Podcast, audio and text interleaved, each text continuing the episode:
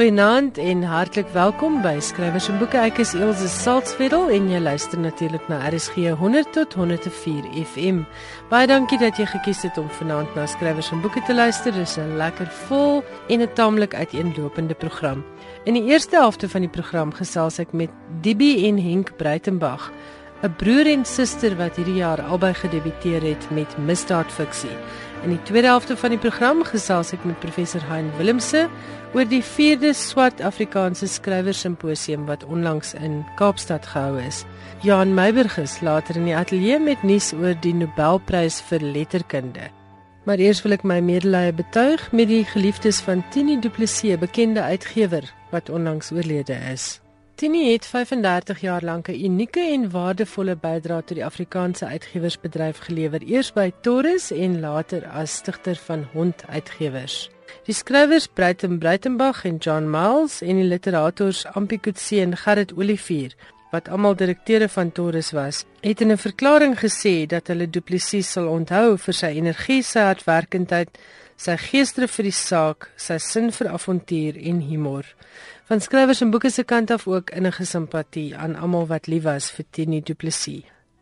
Dan 'n bietjie nuus oor die wenners van die 2015 Suid-Afrikaanse Vertalers Instituut pryse vir voortreffelike vertaling en woordeboeke. As deel van die vieringe rondom Wêreldvertaaldag, het die Suid-Afrikaanse Vertalers Instituut of SAFI sy pryse vir voortreffelike vertalings en woordeboeke aangekondig. Dis die 5de keer dat hierdie pryse toegekend word. Dis in 2000 ingestel in 'n poging om die publikasie van vertalings van oorspronklike werke in die inheemse tale van Suid-Afrika aan te moedig. Gepaardgaande oogmerke is volgens die organiseerders om die gehalte van sulke vertalings te verbeter, veeltaligheid en veral die gebruik en ontwikkeling van inheemse tale te bevorder, om interkulturele begrip te bevorder en om 'n groter bewustheid te skep van die bydrae wat vertalers lewer om die mense van Suid-Afrika te verenig. Die kompetisie word elke 3 jaar gehou en hierdie jaar is daar 25 inskrywings ontvang wat in 4 kategorieë verdeel is. Daar was 17 benoemings vir literêre vertalings, 3 benoemings vir die vertaling van nuwe fiksie, kinderliteratuur vertaling het 5 benoemings gehad en daar was 3 benoemings in die kategorie vir woordeboeke. En vanjaar is 'n nuwe studenteprys vir 'n meestersgraad teses ook toegekend. Ek kondig dan graag die wenners aan. Die Safi prys vir voortreffelike literêre vertaling gaan aan Elsa Sulke vir Skadi self, haar vertaling van Paula Maree se Shadow Self wat uitgegee word deur Iman en Resou. Die Safi prys vir voortreffelike vertaling van nuwe fiksie word toegekend aan Lindy Koorts vir Deef Milan en die opkoms van Afrikaner nasionalisme. Haar eie boek wat sy uit Engels in Afrikaans vertaal het en wat deur Tafelberg uitgegee word. Die Safi prys vir voortreffelike vertaling van kinderliteratuur gaan aan Naomi Morgan vir vertalings uit Frans van twee boeke deur Erik Emmanuel Schmidt. Dis natuurlik Oscar en die Pink Tannie en Monsieur Ibrahim en die blomme van die Koran en die uitgewers van beide boeke is Iman en Resou.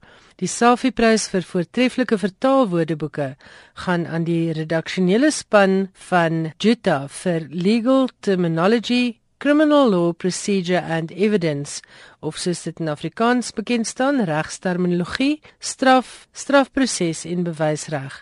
En die vertalers daar was Michael Prinsloo, Marietta Alberts en Nina Mollema. Die Safi Studenteprys gaan aan Konrad Walters vir sy teses vir 'n M in vertaling met die titel Vervreemding, Patronaat en Tuiskoms: Die Gilgamesh Epos vir Afrikaanse kinderlesers.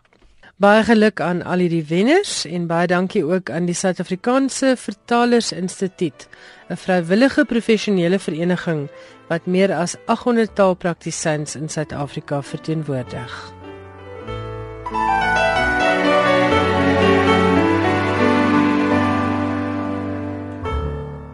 My gaste vanaand in die skrywers en boeke ateljee is Dibie en Henk Breitenberg. Hulle is nie getroud nie, hulle is broer en suster en in die uh, skryfwêreld staan hulle deesdae bekend as die krimi sibbe.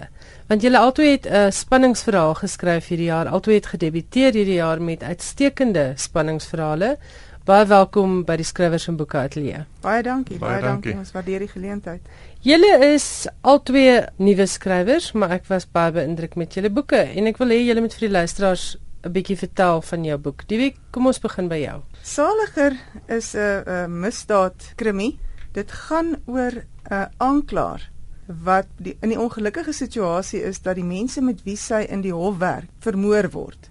Dit speel ook af teen die verhaal van of teen 'n huisbrand wat op 'n klein dorpie plaasvind. En die vraag ontstaan, wie's verantwoordelik vir die moorde? Hoekom is hulle verantwoordelik vir die moorde? Waar pas die dominee in die prentjie in? Dit is maar kortliks waaroor dit gaan. Enk, jou boek se naam is Kodenaam Icarus. Ja. En dit is 'n speurverhaal van 'n ander aard. Man, ek sit nie regtig 'n speurverhaal nie, nie. Dit gaan oor die protagonis Wiknel Hy was jare terug betrokke by nasionale intelligensie gewees in die voor 1994 regering. Hy leef half en half onder die radar want hy het nooit vir die waarheidsversoeningskommissie gaan getuig nie. En hy was per ongeluk betrokke by 'n paar goed wat hy vandag vir krimineel aanspreeklik gehou voor kan word. Die storie begin met 'n moord wat hy ook toevallig by betrokke is, geen intensie of enige sulke dinge nie. En van daar af raak die polisie of die polisie kom dan op sy spoor omdat hy dan nou betrokke was by die aanvanklike moord. Maar die moord is basies maar net om die karakters voor te stel. Die hele storie gaan eintlik oor die val van die Helderberg in 1987 en wie betrokke was daarbey. En weet jy, ek moet vir jou sê, ons almal gis nog steeds oor die Helderberg, maar jou storie bied vir my 'n paar baie geloofbare verklaringe. Ek weet dit is fiksie, maar dit is regtig iets wat ek dink moontlik kon gebeur het. Ja, wel in die navorsing wat ek gedoen het oor die Helderberg en wat hulle op die wrakstukke van die vliegtuig opgetel het, was daar verseker tekens van vuurpyl brandstof aan boord gewees wat vlam gevat het en die vraag is nou hoe dit daar gekom.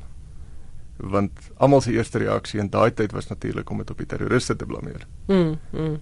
So ja, dit is spekulatiewe fiksie, maar dit ek bly jy vind die verduideliking geloofwaardig. Ek het baie ek het dit baie geniet en want ons ek het 'n politiek wetenskaplike agtergrond, ek het dit as universiteitsvak gehad. So ek het jou idees rondom daai tyd baie geniet en die moontlikhede en al die dinge wat moontlik kon uitspeel is vir my maak vir my baie sin. Nou wil ek weet, hoe het dit gebeur dat julle al 2 in 1 jaar gedebuteer het? Ons het basies gelyktydig gewerk aan manuskripte. Henk se manuskrip was net voor myne gereed. En ehm um, hy het toe sy manuskrip gaan voorlê by Lapa en ehm um, Henk se se manuskrip is toe aanvaar en toe myne gereed was om voorgelê te word, toe stuur ek dit na NB uitgewers toe vir die eenvoudige rede ek het gevoel dat ehm um, weet Henk se boek is nou aanvaar. Myne is 'n ander tipe storie. En daai selfde tyd word ek toe kortstondig en foutiewelik gediagnoseer met kanker en dit is toe deel van die bucket list om om hierdie boek iemand moet hom asseblief net lees want hy het iewers in 'n slush pile geland. En Henk sê toe hy sal nie omgee as ek hom ook voor lê vir Lapa nie, maar ons het nie vir hulle gesê ons is broer en suster nie. Ek het ek het ons het on, dit was net ons het gevoel elke boek moet op sy eie meriete beoordeel hmm. word. En toe het Cecilia agtergekom, ons name of ons ons ons vanne is dieselfde. En toe sy snif in die neus gekry en dit is hoe dit gebeur het dat ons toe nou basies geout ge is as broer en suster en saam gepubliseer het. En saam gepubliseer het, ja. Ek weet wat het daardie snif in die neus laat kry. Een van jou karakters kom voor in die Bise boek Henk. Ja. Net net een sin in een sinnetjie. Het ek Ja, die hoofkarakter Wiek nou. Het ek Wiek se naam het, gesien in die Bise ja. boek. Gaan daar ergens iets kom waar hierdie karakters mekaar almal raakloop? Gaan julle saam dalk ooit iets skryf of gaan julle uh miskien boeke skryf wat wat optel waar julle gelos het?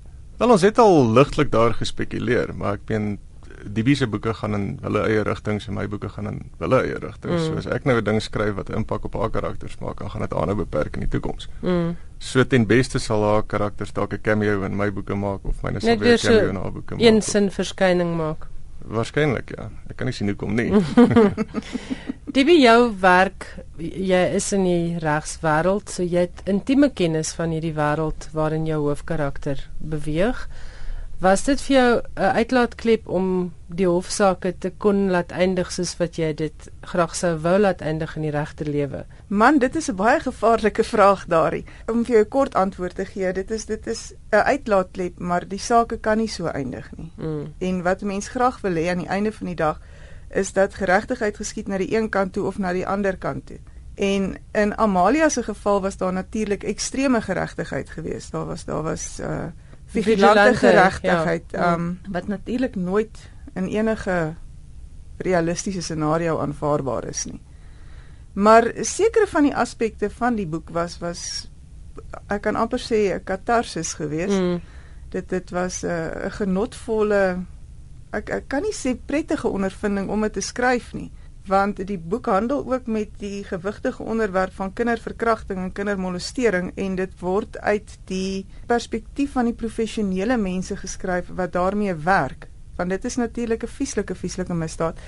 Dit het 'n impak op elke enkele mens elke liewe mens wat daarmee in aanraking kom. Of dit nou is met die beskuldigde of met die klaar of met die prokureur of met die tolk of met die maatskaplike werker, elke hmm. mens word geaffekteer deur daardie daad, daardie keuse wat daardie beskuldigde, daardie verdagte uitgeoefen het. En daar's daar's eintlik soos wat ek dit kan sien, ek bedoel daar's baie boeke wat gaan oor slagoffers, maar daar's baie min wat gaan oor die effek van die misdade op die professionele lei wat dit moet oplos. Ek het dit ook raak gelees in jou boek. Ek het dit geniet om daai perspektief te lees, want ek dink is ontsettend traumaties om daarmee te werk elke dag van jou lewe en nie noodwendig in elke saak die uitkoms te kry wat jy dink die verdiende uitkoms is nie. Natuurlik, dit is 'n 'n pynlike proses vir almal wat betrokke is. En die gevaar bestaan altyd as mens in die spesifieke scenario werk dat jy daardie slagoffer se pyn vir jouself toeëien. Mense het mos maar die geneigtheid om sekondêr jammer vir jouself te raak oor iets wat met iemand anders gebeur. En in jou professionele kapasiteit kan jy dit nie bekostig nie want dan beteken jy vir daardie slagoffer niks. Jy kan vir daardie slagoffer niks doen nie. Dit is maar eintlik ek dink wat grootliks die dryfkrag agter Saliger was. En as jy nou uh, dink aan 'n tweede boek gaan Amalia weer 'n hoofkarakter wees? Nee, die tweede boek is klaar. Ehm um, hy is nou al reeds by die keerders in die hoofkarakter in daardie boek is 'n man. Maar ehm um, Amalia het 'n mede-karakter met die naam van Hendrik. Ja. En ehm um, Hendrik is 'n man wat 'n boek op sy eie verdien. Ja, hy is nogal. Mens wonder oor sy verlede en jy wonder oor waar hy hom nou bevind. Hy het so vir my um 'n misterie om hom. Ja, nee, inderdaad. So hy is die hoofkarakter in boek nommer 2. Nee, nee. Nee. nee. Wat dink jy hy gaan hy denk, sal hy sal 'n boek op sy eie kry so vir die volgende. Iewers vorentoe. Ja. O, goed. En Henk, wat was dit wat jy laat skryf het oor die Helderberg? Het jy 'n politieke belangstelling? Het jy baie opgelees oor die WVK en daardie era in, in die Suid-Afrikaanse geskiedenis? Ja, ek wil jou nie teleurstel en sê dat ek nou nie 'n belang by die politiek het nie, maar die groot rede daarvoor is ek was uh, in standaard 3 gewees dink ek as ek nou reg onthou in 1987 toe die vliegtuig geval het. En dit was 'n groot storie oor die radio gewees en oor die televisie gewees en almal het die mense, die omroepers het almal gevra of enigiemand enigiets weet daarvan. Nou ek meen dis hoe op aarde sal jy nou weet as jy in Newcastle in jou huis sit en 'n vliegtuig verdwyn iewers vir die Indiese Oseaan, hoe sal jy nou daarvan weet? En dit het my nog al die tyd al die jare getikkel want wat kon met die ding gebeur het? En ek het nog nooit nêrens 'n bevredigende verduideliking gekry wat met die ding kon gebeur het nie. En ek is deur die WVK se dokumente daarvan en vir die snaakste van alles is die voorleggings wat vir die waarheids- en versoeningskommissie gehou was oor die Helderberg was alles in kamera gehou gewees. Ja, wat mense tog laat wonder, nou, wie steek wat weg? Dis die hele punt. Ek weet dis die waarheids- en versoeningskommissie. Hulle is mm. veronderstel om nou met alles op die lappe te kom. En die Mago kommissie was 'n uh, toesmeerdery, almal stem daaroor saam. Daar's net geen verklaring daarvoor nie. So iemand moes iewers gebaat het by die val van die ding. En ek meen in die lyn van fiksie is dit wonderlike terrein vir spekulatiewe fiksie om te begin stories opmaak daaroor want daar is net geen amptelike verklaring wat gebeur het nie. Nou hoe het julle albei skrywers geword? Dis iets wat my nou tikkel om jou woord te gebruik. Julle het in 'n huis vol boeke groot geword as ek reg onthou van 'n vorige gesprek, maar om 'n leser te wees en om 'n skrywer te wees is twee verskillende goed. Man, ja, dit is so. Ons ons albei lees verskriklik baie en ons lees enige iets en ek dink die volgende logiese stap is om jou eie storie te gaan vertel. Die proses is maar 'n geleidelike een. Ek bedoel ek Henk het begin stories vertel toe hy kon begin praat het. Ja, hy is jou jonger broer, ja, is my jy behoort te weet. Ek weet, ek weet. In 'n minder of meerdere mate van sukses. Maar hy moes eers skool toe gaan om te leer skryf voordat hy kon neerskryf. Dis so ja. Maar ehm um, dit is 'n geleidelike proses en, en en ek dink ook 'n groeiproses jy weet mense vertel die stories op die regte tyd. Ja, ek het nou die dag met Irma Venter ook gepraat en sy het gesê sy het al haar eerste manuskrip geskryf toe sy 26 was en sy het op 37 die eerste keer gepubliseer en sy sê al woorde was en dis goed en reg so. Ja. Want ek moes eers groei en ek moes eers 'n volwassenheid bereik rondom sekere dinge. En ek dink dit is veral in die soort boek wat jy geskryf het nogal belangrik om eers 'n volwasse perspektief te bereik. Dis nie iets wat jy sou kon skryf splinternuut in jou beroep nie. Nee, nee glad nie. Ek dink spesifiek met verwysing na Saliger is dit 'n milieu waar jy vreeslik maklik vasgevang kan word in swart en wit. 'n Ding is of totaal goed of totaal sleg. Mense is of totaal nie. goed of totaal sleg. Nou is geen grys gebiede nie. Mm. En ek dink Amalia sê dit op 'n stadium ook in die boek dat sy het agtergekom wit en swart is bloot toevallighede binne in grys. En om by daardie punt uit te kom, vat 'n paar jaar en dit vat 'n paar ondervindings goed en sleg. En ek dink dit is dit is maar deel van die groeiproses. Het julle ooit met mekaar gepraat oor julle manuskripte? Ek dink ons deel nou al stories vir die laaste 15 jaar vandat ons die eerste keer e-pos gekry het. Ja. Skryf ons stories op en dan stuur dit vir mekaar. Okay. So, So dis 'n lang pad wat julle nou al stap met die Ja. idee van skryf en publiseer. ja, maar ek moet eerlikwaar vir jou sê ek het nooit by die by die uitgee van 'n boek, ek het nooit daaraan gedink nie want dis maar aan die einde van die proses is dit nou weer op pad kom en jy sit nou met die voltooide manuskrip en almal het die ding gelees en almal dink is nou bakgat nou wat nou jy dis die volgende stap ek meen ek kyk ander dag op die rekenaar na manuskripte wat ek het van 10 15 jaar terug en ek moet eerlikwaar sê my nekhare reis laat enige mens sulke jy's amper gebruik ek nou 'n woord wat ek kan seker nie op die radio moet Kom ons sê nonsens. sulke nonsens kon skryf nie maar so ja dit is 'n groeiproses jy weet Ja. ja. en uh ja ek skryf 'n ding stuur dit vir die sy kyk na die ding kritiseer die ding sy skryf 'n ding stuur dit weer vir my en so het dit aangegaan vir baie jare Dink julle dit help om 'n klankbord te hê wat in dieselfde soort van ek wil dit nie 'n beroep noem nie want julle albei het ander werke maar wat in dieselfde uiters verslawende stokperdjie as jy is as ons dit dan skryf dan so kan definieer. Ja nee, baie beslis. Ek dink omdat dit so isolerende tipe stokperdjie is en eintlik 'n baie selfsugtige ene as as mens nou dink aan die ander mense in jou lewe wat ook jou aandag nodig het en jou tyd nodig het, dan is dit baie hulle raak partykeer keelvol om te hoor van die storie of te sien jy sit by die rekenaar of nie beskikbaar te wees nie en dit is dit is dis altyd lekker en 'n voorreg om iemand te hê wat weet waaroor dit gaan. Ja, en wat ook verstaan waardeur jy gaan om Ja. geboorte te gee aan die storie want skryf is Absoluut. nie noodwendig maklik nie. Nee, Vir party mense is dit makliker as vir ander.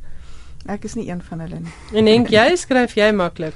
Man ja, die die fisiese datum vir die ding te sit en tik is nie vir my 'n probleem nie. Ek het nog nooit writersblok of enige so iets gehad nie, maar dis om tot by daai punt te kom, jy weet. Waar jy gaan Dit vat sit. maande vir die storie om net te perkuleer in my kop en Mm. bly goed om mekaar te pas en as ek dan gaan sit dan vat dit 'n paar weke dan as ek ding gedoen.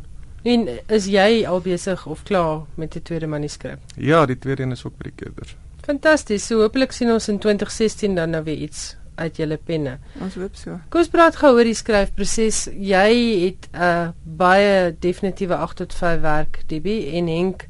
Hoe lyk jou dag? Waar pas jy skryf in? Man, ek en my vrou het 'n besigheidjie daar na Peespoort. Ons verskaf uh toerusting aan nywerhede in die klas van goed. So my tyd is baie wat jy woord flexible as ek dit Ja, nou so kan sê. buigsaam. Baie buigsaam. So jy kan 'n En- bietjie skryf wanneer daar 'n gaatjie is. Ja, 2 uur die oggend, Mm. 2 uur die middag. 2 uur die oggend. Dit ek het ek het nie ek het nie daai 9 tot 5 skedule wat my bind nie. Ek skryf as ek 'n kans het en dit kan enige tyd van die dag wees. En Debbie, jy, jy moet dit seker nou voor of na werk inpas. Man, ja, dit is 'n dit dit gaan eintlik alles oor tydsbestuur. Ek skryf teen 'n 'n woordtelling. Ek ek ek maak 'n punt daarvan. So dit het gewerk vir Stephen King en hooplik oor 50 jaar werk Van dit vir my jou ook. werk. Maar hy Ehm, doen iets reg. Ek probeer wanneer ek in die beginfase, nie die afrondingsfase van die manuskrip is nie, maar wanneer ek in die skryffase is, uh, so 2000 woorde 'n dag skryf. En dit pas ek intussen deesdae is dit 2 uur, maar gewoonlik half 3 in die oggend tot omtrent half 6 toe. Ek gee myself wel af oor naweke, maar dit is my skryftyd. Dit is verskriklik vroeg, half 3 tot half 6 in die oggend. En jy werk streng volgens daai 2000 woorde Ja. per dag. Ek moet. Is dit Ek vir jou 'n goeie dryfkrag? Ja, jy sien omdat my tyd beperk is, moet ek uh soveel werk gedoen kry in die tyd wat ek het as wat ek kan en dit is een manier waaraan ek dit kan meet. Ja, ek ek stem saam. Ek dink uh, dis die ding van skryf wat mense seker maklik moedeloos maak is dat jy nog nie jy werk en jy werk en jy werk en jy het niks om daarvoor te wys Hmm. na baie lank tyd nie. Want nee, jou jou manuskrip word nie noodwendig die eerste keer aanvaar nie. Nee, nee. Was julle manuskripte die eerste keer aanvaar? Moes julle baie werk? Ons moes veranderings aanbring al twee van ons. Ja, die eerste weergawe van Kodenaam Icarus was wel nie afgekeur nie, maar het hom teruggestuur want ek het hom uit 'n eerste persoon perspektief geskryf. Ja, en dis 'n moeiliker ding as wat mense dink, né, Ja. die die ek verteller. Ja, dit lees nie so maklik nie, maar dit skryf baie makliker. Ja. Jy kan jouself baie makliker in die karakter se kop kry. Nou dit het ek net toe nie geweet nie want uh, weet ek het nog nie al die kritiek van die ouens gekry nie. Maar ja, dis dit nou terug agter die komputer en weer van voor af tik en daar gaan ons. En tik jy persoon. vinnig. Ja, ek tik redelik vinnig. Ek was lank in die rekenaarbedryf goed, gewees. dit help beslis, want ek so, dink dis ding ook wat ek daarvan oorgehou het is 'n baie goeie tikspoed. Ja, ek dink dit is 'n ander ding wat 'n mens soms kortwiek is as jy daar met twee vingers moet voortsukkel. Ja, ek kan dink. Is nie noodwendig so lekker nie. Ek wil net gou weet waaroor gaan jou tweede boek? Jy sê dit is by die Keerders. Ja, ehm um, Is dit weer 'n Wieknel boek of nie? Ja, dis weer Wieknel. Uh Laapat aangedring op 'n uh, opvolg op die eerste een. En uh dit gaan weer eens oor politiek uit die ou dae uit wat nou nog reperkusies het vandag. Kyk, weer eens hy begin nou met 'n paar moorde wat nou ook net agtergrond is oor hoekom dit nou hoekom vandag se situasie nou is wat dit is. Maar dit gaan oor die vereniging van Oos en Wes Duitsland en ouens wat die staat daar verneek het en in Suid-Afrika kom wegkruip het.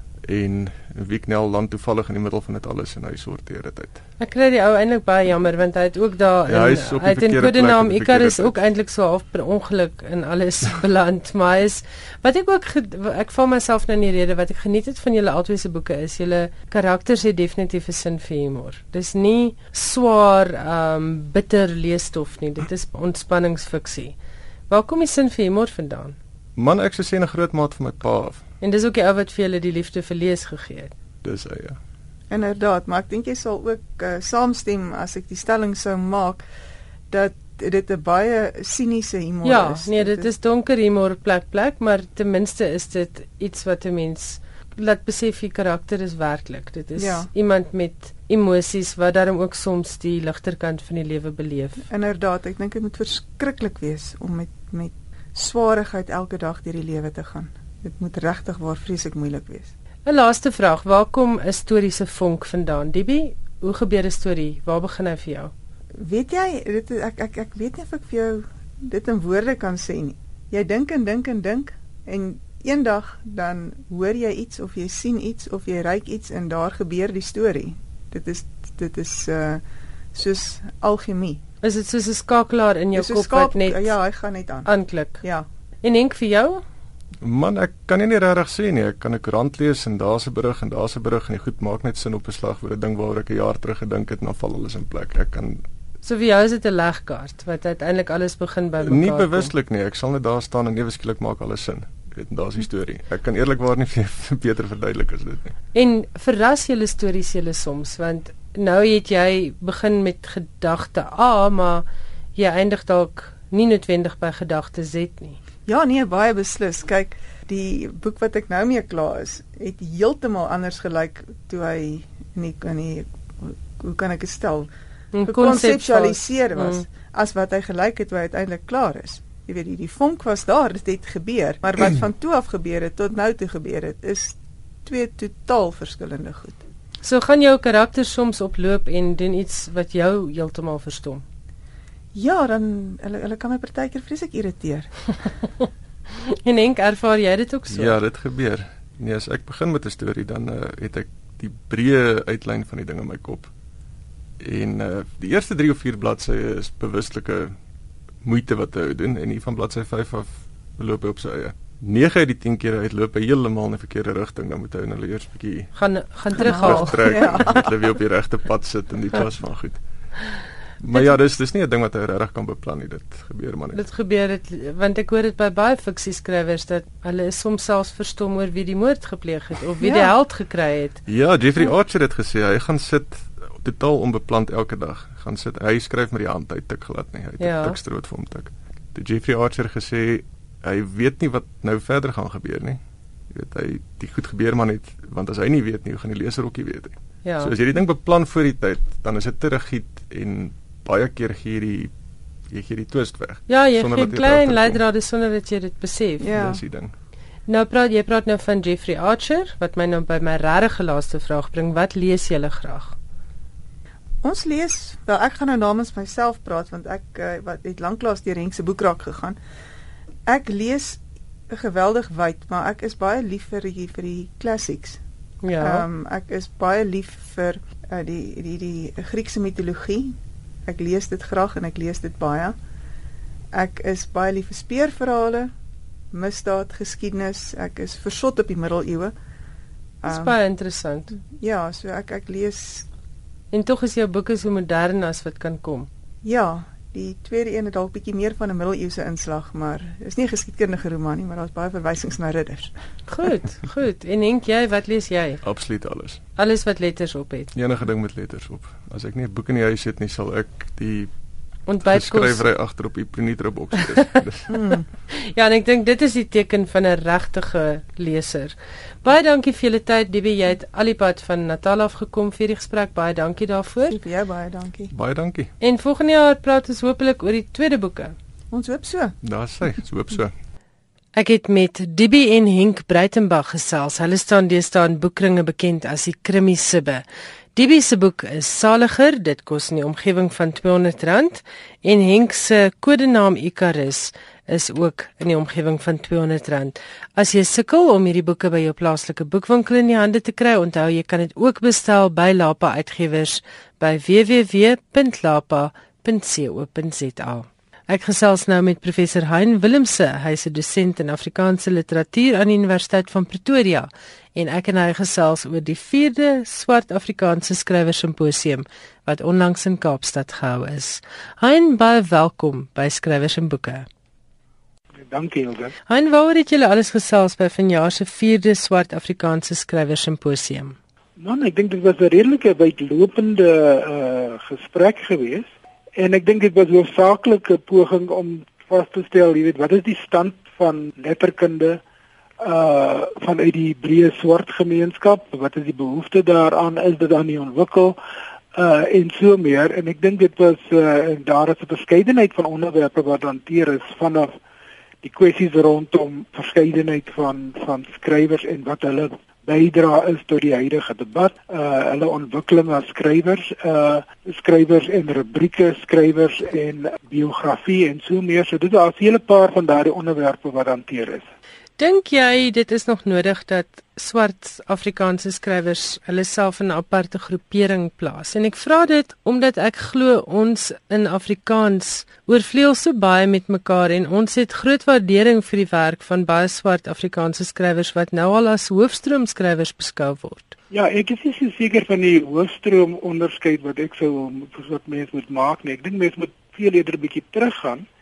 Ek dink mense moet ons gaan gaan kyk na wat wat die die aard van van letterkunde in die algemeen. Mense moet onthou dat die swart skrywers beweging, as ek dit so kan noem, eintlik in die omgewing van die jare 80 ontstaan het, né? Uh, ja. Teen die teen die einde van 76 teen 77 was daar nagenoeg 40 skrywers wat aktief geskryf het op letterkunde geproduseer het in kleiner tydskrifte selfs uh, hulle eie tydskrifte ontwikkel het En mens moet onthou dat die Afrikaanse letterkunde het glad nie daarvan kennis geneem nie. So daar was 'n hele daar was 'n hele geskiedenis gewees van ontkenning aan die een kant. Tweede aspek van daardie aspek van ontkenning was die tradisie van protestasie. Nee, mens moet onthou dat Afrikaans word geassosieer in tot in die baie onlangs nog hoofsaaklik met wit Afrikaans sprekers. Uh, die alternatiewe tradisies word onderdruk op verskillende maniere, of dit nou die Moslem Arabiese tradisie is of dit nou die Morawier tradisie is, doodgewoon in terme van taal.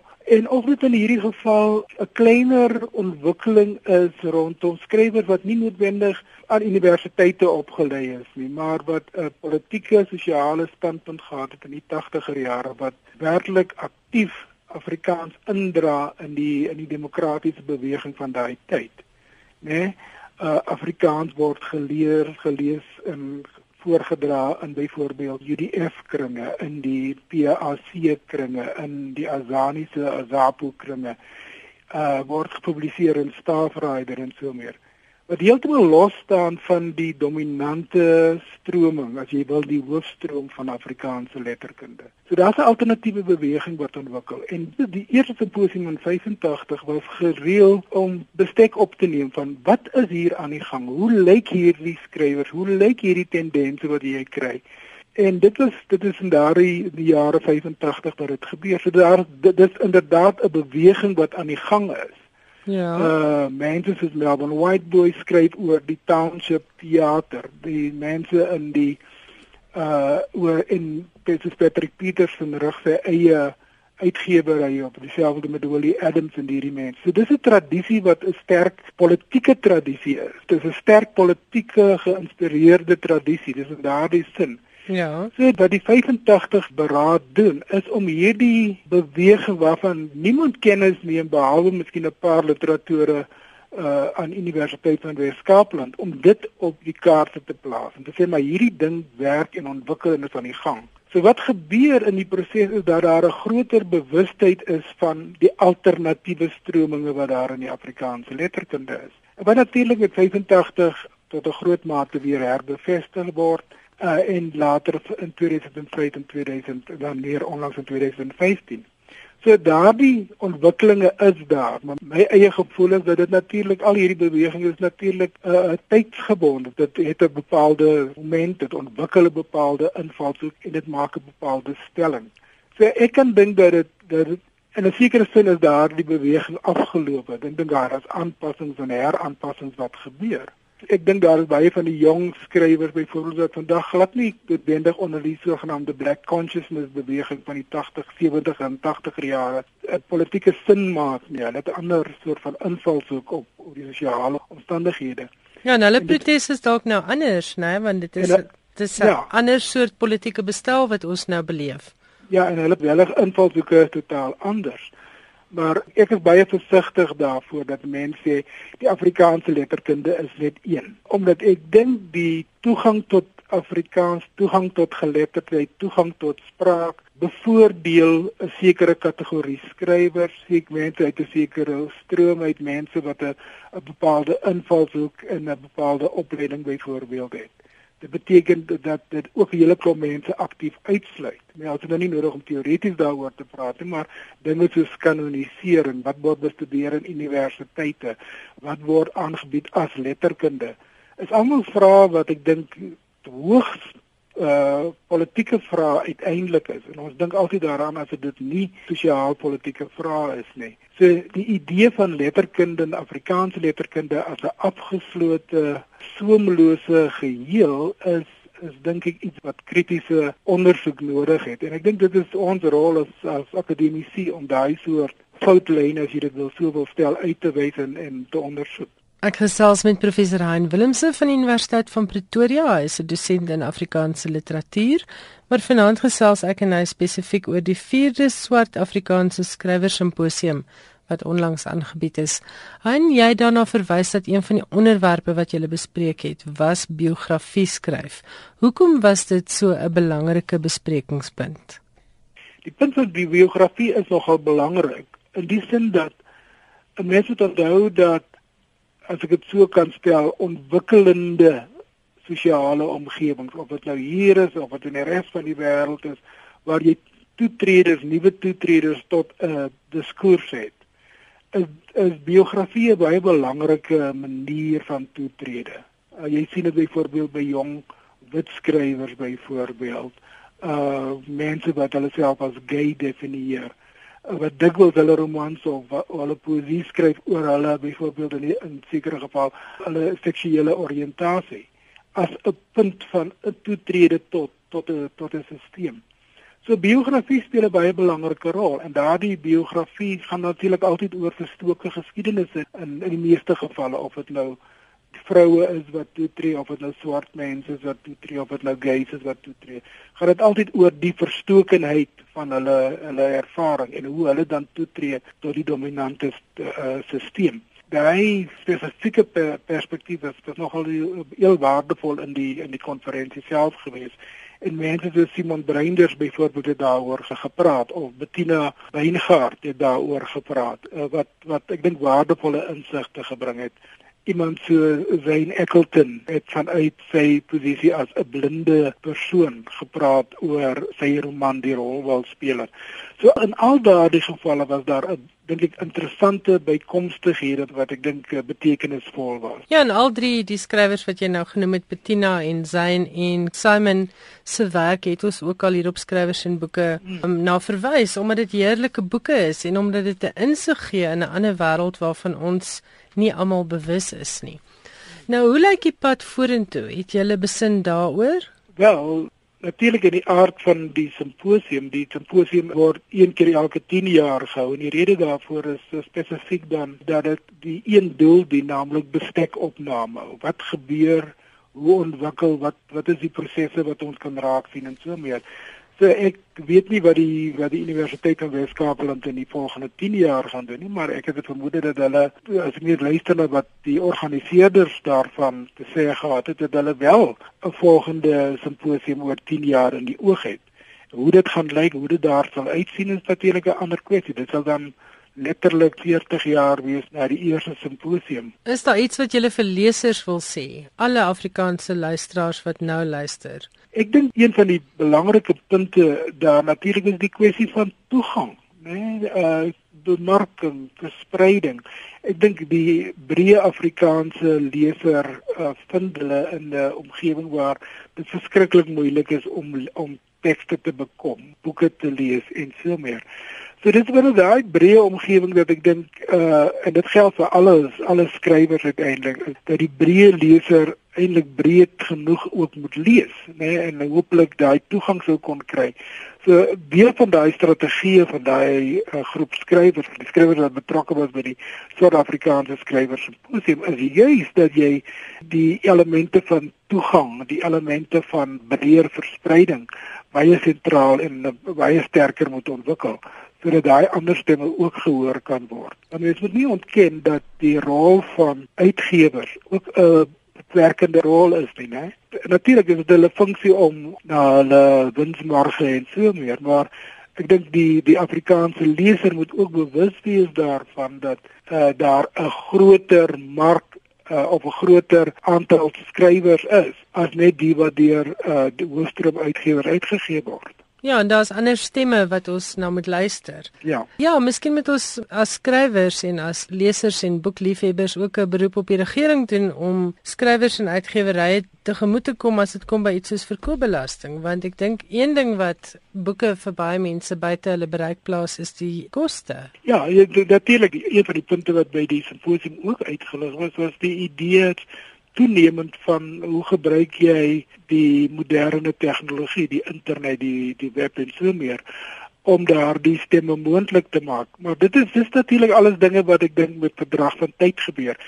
My eie gevoel is ek is altyd bietjie bekommerd as as uh veral wit Afrikaans sprekendes bekommerd raak wanneer mense wat nie wit is, die begin hulle reg uitoefen om hulle stempel af te druk. Jy weet, my, ek, ek het die gevoel dat mense altyd 'n bietjie benoud raak wanneer mense van swart byvoorbeeld praat. Vir my is dit 'n baie belangrike ontwikkeling eintlik, want dit beteken dat jy die breër en die wyd uh, rykte van van Afrikaans as taal begin bestryk en dat mense daarvoor dat dit deel van hulle arsenaal maak, dat mense besit daarvan neem, asof hulle altyd onderdele is van 'n hoofstroom. En ek dink dit is vir my 'n baie meer positiewe ontwikkeling as wat dit uh, dikwels vir uh, met permissie gesê wit wit sprekers van Afrikaans is want hulle voel altyd bedreig deur die aanwesigheid van swart of swart mense of swart sprekers terwyl die dinamika daarvan is is 'n positiewe een. Dit is 'n besitname, dit is 'n manier van verbreiding. Dit sê vir my meer van die strategie of 'n siening van beleerdheid wat ek dink veral witsprekers dikwels ervaar terwyl wat jy eintlik moet ervaar is 'n idee, die moontlikheid van openheid. Nee, want mense neem besit van 'n bepaalde van 'n bepaalde gegewe. Dis wat dit 'n bedreiging is. So my gevoel en daai daai opsig is dat die Afrikaanse letterkunde op 'n manier dan eintlik verbrei word.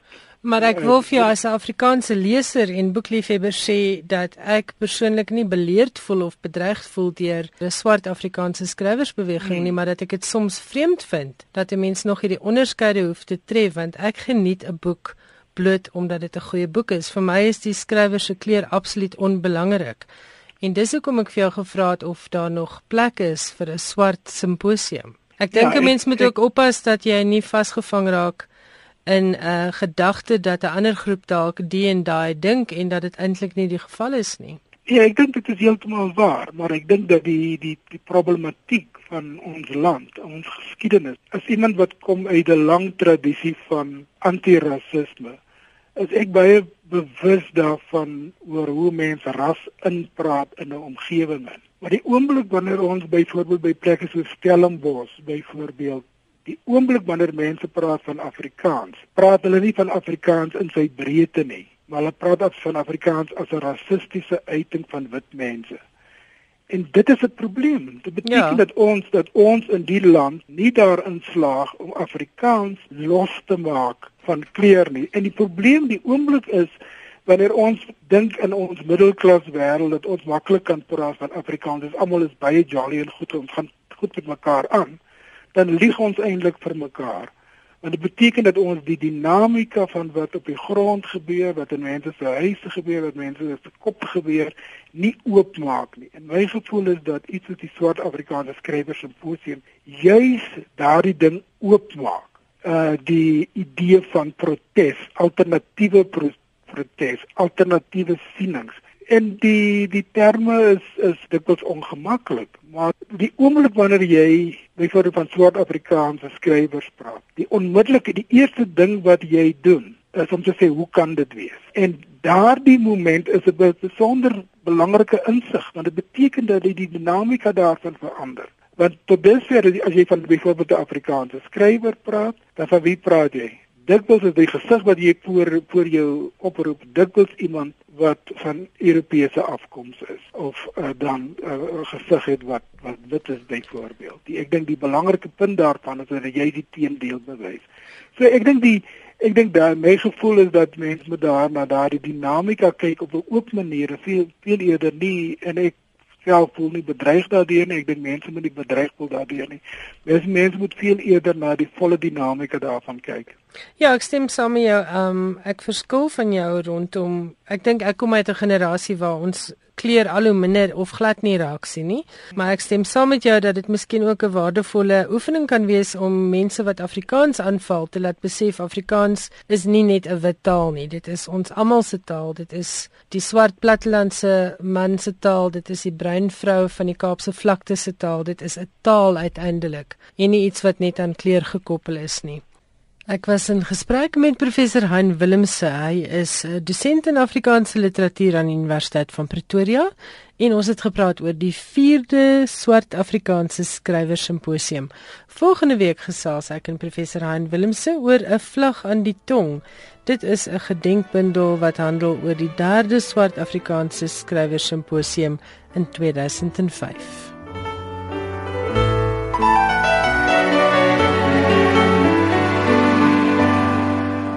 Johan Meiberg is by my in die ateljee vars pas terug van aardklop af. Johan, het jy dit geniet? Inderdaad, ja, dit was baie lekker geweest. Dankie. Nou maar ons praat vanaand oor die Nobelprys vir letterkunde wat onlangs toegekend is. Vertel ons 'n bietjie meer van die wenner. Wel, vanjaar se wenner is die ehm uh, Belorussiese skrywer Svetlana Alexievich. Nou vir die soveelste keer het Philip Roth of Haruki Murakami nie hond haar afgemaak nie. Die twee skrywers is jaar na jaar op beroepswedders se lys om die gesogte prys in te palm. Volgens die Britse Guardian was Alexievich hierdie jaar met 3 teen 1 die gunsteling om die Nobelprys te kry. Marukami se kans was vanjaar 6 teen 1 en Rothsen 10 teen 1. Die ander sewe op die top 10 lysie van uh van the Guardian was Ngogi wa Thiong'o, John Fossey, Joyce Carol Oates, Ko Un, Peter Handke, John Banville en Naval El Sadawi. Hoewel die 67-jarige Alexievich in die Engelssprekende wêreld nie so bekend is nie, het sy in die voormalige Sowjetunie haar merk gemaak as joernalis wat verslag gedoen het oor onder meer die Chernobyl kernreaktorramp in die Sowjetoorlog in Afghanistan.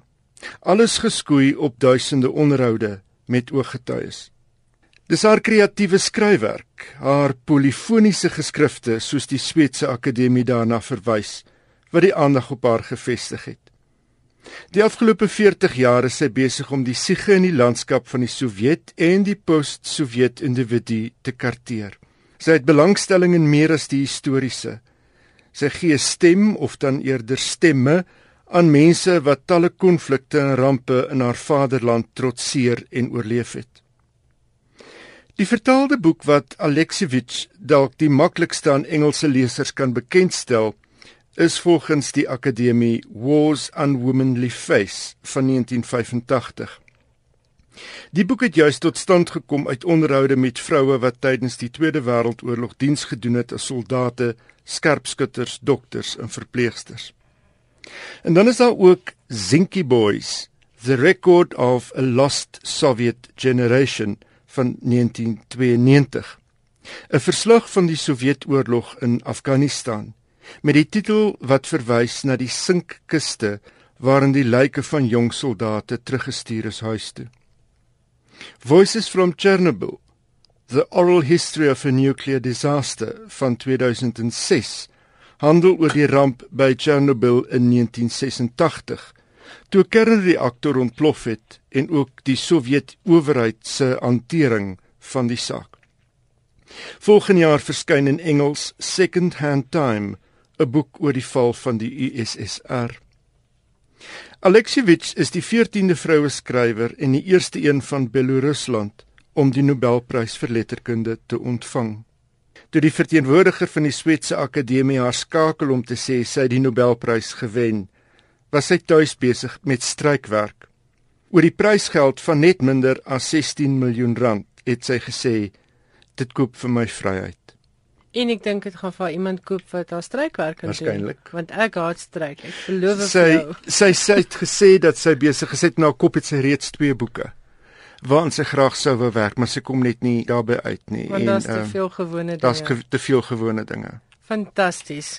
Jou volgende nuus gaan ook oor 'n prys of nee, waaroor gaan dit? Dit gaan oor die Frankfurtse Boekeskou. Nou maar vertel vir ons daarvan want dit is altyd 'n groot geleentheid. Wel, dis so dis so kort brok daaroor. Iran het aangekondig dat verteenwoordigers van die land nie vanjaar die Frankfurtse Boekeskou gaan bywoon nie omdat Salman Rushdie die skou vanjaar sou open. Die skou het verlede week plaasgevind.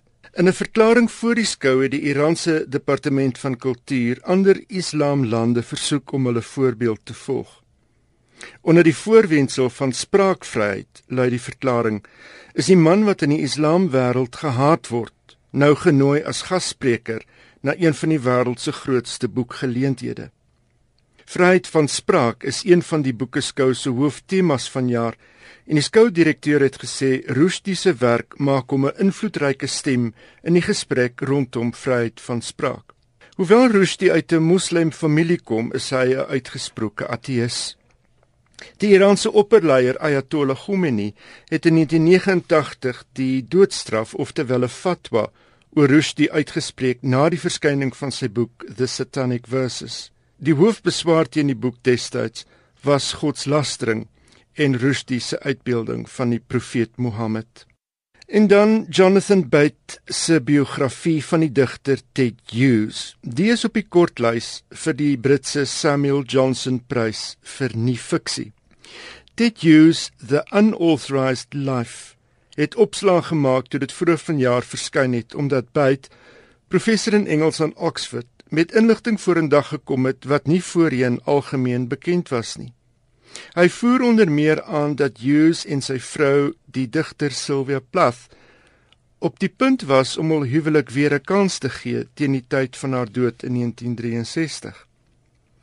Buite die biografie waarvoor die familie van Hughes nie toestemming gegee het nie, geskoei op etlike briewe, dagboeke en gedigte wat hy onder oog gehad het.